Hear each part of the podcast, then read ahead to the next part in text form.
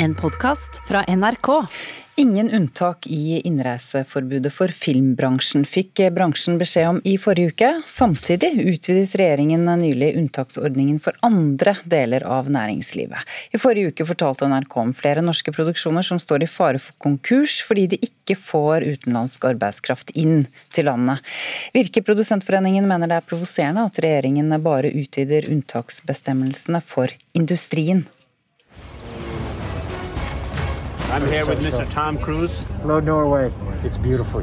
Noen husker kanskje da skuespiller Tom Cruise var i Norge i fjor høst for å spille inn Mission Impossible 7. Han fikk nemlig unntak fra innreiseforbudet. Men med den tilspissa smittesituasjonen for tida er ikke den norske filmbransjen like heldige. For flere store filmproduksjoner taper nå til sammen mange titalls millioner kroner fordi at de ikke får de utenlandske filmarbeiderne sine inn i landet. Det oppleves jo i hvert fall litt merkelig at eh, det hele tiden skal være kulturnæringene som skal stå igjen med lua i hånda her, mens eh, andre innen industrien stadig får eh, forrang. Det sier leder Åse Kringstad i Virke Produsentforeningen. For det finnes allerede unntak i innreiseforbudet som gjør at noen få kritiske personer i oljenæringa får komme inn i landet. Kringstad hadde håpet at også filmbransjen skulle få unntak nå, men Vi fikk vite at eh, Næringsdepartementet ikke hadde noe handlingsrom for å gjøre noen ytterligere unntak fra innreiseforbudet fordi at smittetrykket nå var så høyt. Men på fredag kom det likevel enda et unntak i innreiseforbudet som gjør at også enkelte personer med spesialisert arbeidskraft innen infrastruktur kan få komme inn i landet. Det reagerer Kringstad på. Det er viktig at eh, næringskritisk virksomhet defineres litt videre enn sånn eh, regjeringen ser på det i dag. Det er ikke bare industrien som er næringskritisk for at Norge skal gå rundt. De aller fleste som skulle hatt inn utenlandsk arbeidskraft nå, de får dessverre ikke det pga. smittesituasjonen og det at vi har stengt grensene. Det sier næringsminister Iselin Nybø. Det betyr at det er kokker som ikke kommer inn i Norge. Det betyr at det er eh, skuespillere eller dirigenter. Det betyr at de som er innenfor bygg- og anleggsbransjen, de fleste av de kommer heller ikke eh, over grensene akkurat nå. Eh, men vi håper jo at ting skal se bedre ut, og at vi kan åpne opp for flere etter hvert. Forrige uke fortalte NRK om filmselskapet bak TV-serien Made in Oslo, som taper en halv million kroner til dagen fordi at hovedskuespiller Jakob Sedergren blir nekta innreise fra Danmark til Norge. Jeg mener at her burde de lytta til de innspillene vi har kommet med. Dette her er snakk om veldig få personer som skal inn. Det er snakk om personer som skal inn i veldig godt kontrollerte smittevernregimer. Både når det gjelder karantene og når det gjelder testing og det hele. Så dette her mener vi det kunne vært løst veldig veldig trygt og fått inn de filmarbeiderne her. Ja, Det sa til slutt eh, leder i Virke Produsentforeningen Åse Kringstad. Reportere var Ida Yasin Andersen, Kristin Hirsti og Thomas Olverstein Oe. Det mangler noen stemmer i debatten. Det mener eh, avisa Oslos nye påtroppende debattredaktør. Han begynner først i sommeren. Avisa Oslo er hovedstadens nye lokale nettavis som ble lansert eh, på høsten i fjor. Og nå får avisa sin egen eh, debattredaktør. Han har tidligere vært journalist i NRK, Aftenposten, utenriksreporter i VG og nå i E24. Fawad Ashraf, god morgen. god morgen. god morgen. Hva er ditt forhold til Oslo, siden du velger å gå fra riksmedier til en ny lokalavis? Jeg begynte å jobbe som journalist eh, i Østlandssendingen for 15 år siden. Mitt forhold til Oslo Jeg er fra Haslum, Bekstua. og har pakistanske foreldre. Som pappa var T-banefører. Så jeg husker vi etter skoletid pleide å kjøre i førerrommet. Eh, fram og tilbake mellom Stortinget og Kolsås. Eh, og På den tiden så var ikke byen åpen, så T-banen kjørte bare til Stortinget fra vest, og fra øst også snudde. Men etter hvert så åpnet den seg mot hele byen, og da husker jeg at jeg hadde lært meg alle holdeplassene på vestsiden av byen. Eh, og så lærte jeg meg de på andre siden. Eh, og det er et veldig fint minne jeg har, for det var første gang jeg så byen som barn. da. Eh, og nå får jeg muligheten til å gjøre dette på nytt, så det gleder jeg meg til. Når du begynner som debattredaktør og sier ja til jobben, mm. hvorfor? Hva, hva, hva, er det du mener mangler? Det sa jeg at du mente, for det har du sagt? Altså jeg sa at uh, Hvis jeg får til et fler, større mangfold av stemmer, mennesker og temaer inn i uh, diskusjonen, inn i avisa, så føler jeg at jeg lyktes. Og Grunnen til at jeg sa det, er fordi det er mange vi ikke hører fra. Det er mange uh, som Eh, noen ganger ikke helt vet at avisene er tilgjengelig for deres kommentarer. Så min jobb blir jo da å oppsøke dem. Hjelpe dem med å skrive. Noen ganger rett og slett være en tilrettelegger, sånn at de også får lov til å mene hvordan de blir påvirket av politiske beslutninger i Oslo. Hva som skjer utenfor gata deres. På, nede på rådhuset så har de eh, mange profesjonelle folk og et kobbel av rådgivere som er flinke til å skrive kommentarer. Så jeg vil også finne de som ikke har den eh, samme eh, bakgrunnen, men likevel har interessante ting å si. Dette vil jeg tro at de fleste debattredaktører tar mål av seg. Mm. Enten NRK Ytring eller Side i Aftenposten eller VG. Hvor har du tenkt å lete, og hvordan? Jeg har ikke tenkt å røpe alle ideene mine her, eh, men jeg skal love deg, jeg har en god, lang, har en god liste over ting. Eh, et sted jeg f.eks. tenker at det er viktig å være god, da, er eh, der, der, Oslo er veldig synlig for forskjellig. Altså Sosiale forskjeller i denne byen er veldig, veldig markante.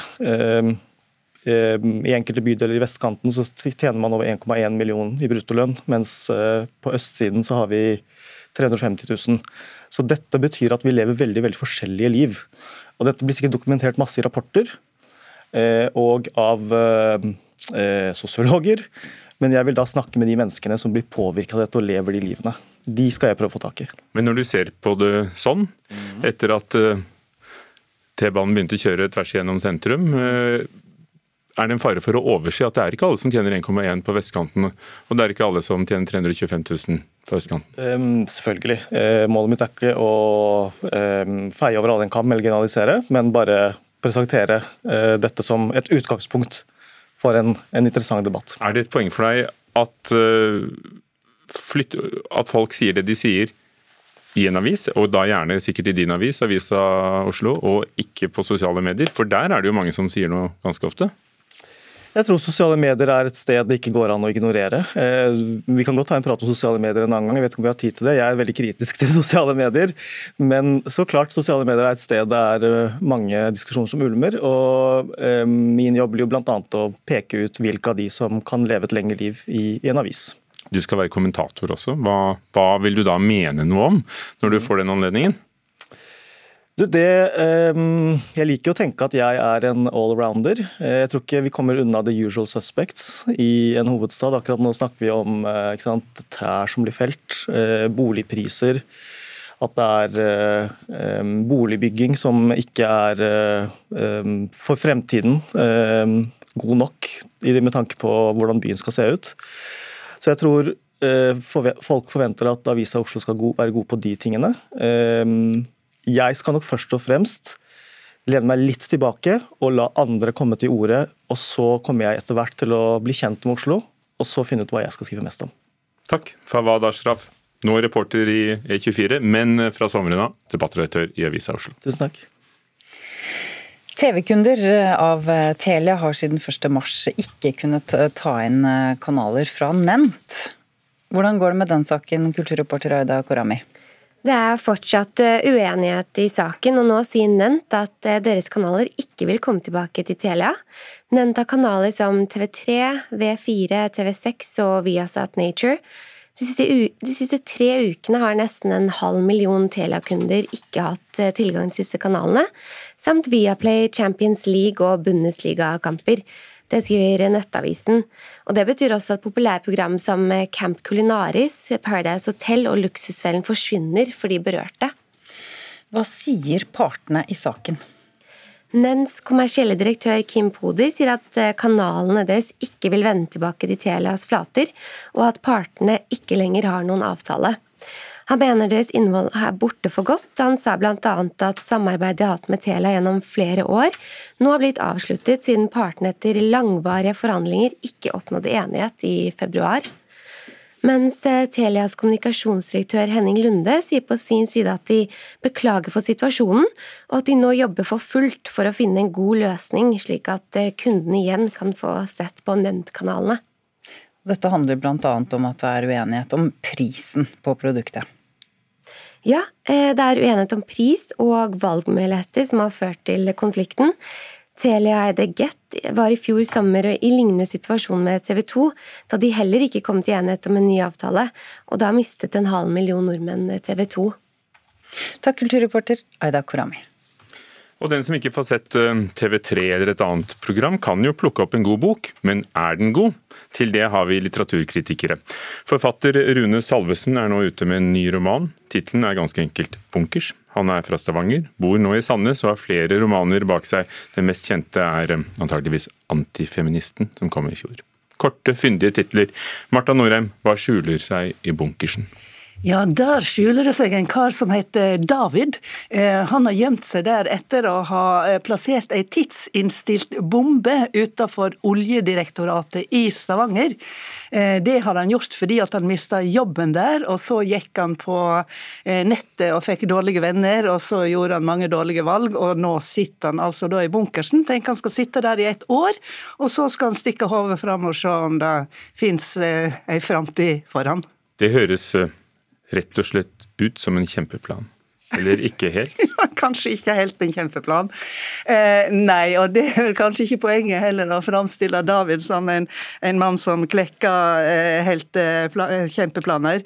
Eh, dette er også en roman eh, som, som, for så vidt diskuterer det med hva er det som får folk til å, å, å velge terror, men så reflekterer han også ganske mye om det med å skrive en roman, altså selve det å, å, lage det som vi sitter og leser, og da blir det også en, en metaroman, og der nekter han seg lite. Altså Han tenker hva vil Marte, altså redaktøren hans, mene om dette, og skal tro hva kritikerne i Stavanger Aftenblad vil si, og han refererer til til eh, kolleger og samtaler med deg, og så er han inne i skriveprosessen, og han stryker, og han sladder, og han sletter, og han skriver igjen. Så vi er liksom på en måte inne i hele prosessen, iallfall en versjon av prosessen. Jeg vet jo ikke, kan jo hende jeg ljuger oss uh, huden full, men uh, det virker som om, om, vi er ganske tett på, på alle de tankene uh, og prosessene som ligger forut for ei bok da med permer og sider. Er det en god bok? Er det, er det bra at han gjør det på denne måten? Ja, altså I begynnelsen så var jeg litt forvirra, for jeg tenkte skal ikke denne romanen begynne nå snart? Skal han bare fortsette å snakke om alle, eller skrive om alle de folkene? Eh, men etter hvert så forsto jeg at denne skrivinga om å skrive faktisk var en vesentlig del av romanen, og da snudde jeg liksom litt på innstillinga mi. Og jeg vil jo tenke at valget av terror som tema i en roman som handler om skriveprosessen, er er dristig, eh, for det kan virke litt smakløst å la forfatterens store og små problemer ta så stor plass når det er et såpass stort tema som blir satt opp. Men eh, det som er flott her, er at dette er en roman det går an å diskutere med. Altså han på en måte roper etter kommentarer, etter prosesser, eh, jeg mener protester, etter meddikting. Han lurer på ting, vi kan lure sammen med han. Det er altså en helt uvanlig åpen roman som, som inviterer eh, leseren inn. Eh, og så syns jeg jo alltid det er forfriskende å, å, lese en roman som gjør noe helt annet, og gjør det med stor selvtillit. Så vi kan diskutere selv boken, eller perfekt for de som har bokklubb f.eks., og, og leser og diskuterer etterpå? Absolutt. Personlig så har jeg skrevet masse notater i margen på min bok. Det går også an. Marta Norheim, 'Bunkers' av Rune Salvesen var det, men vi har mange flere kritikker og anmeldelser på nettsidene våre. nrk.no anmeldelser. Du har hørt en podkast fra NRK. Hør flere podkaster og din NRK-kanal i appen NRK Radio.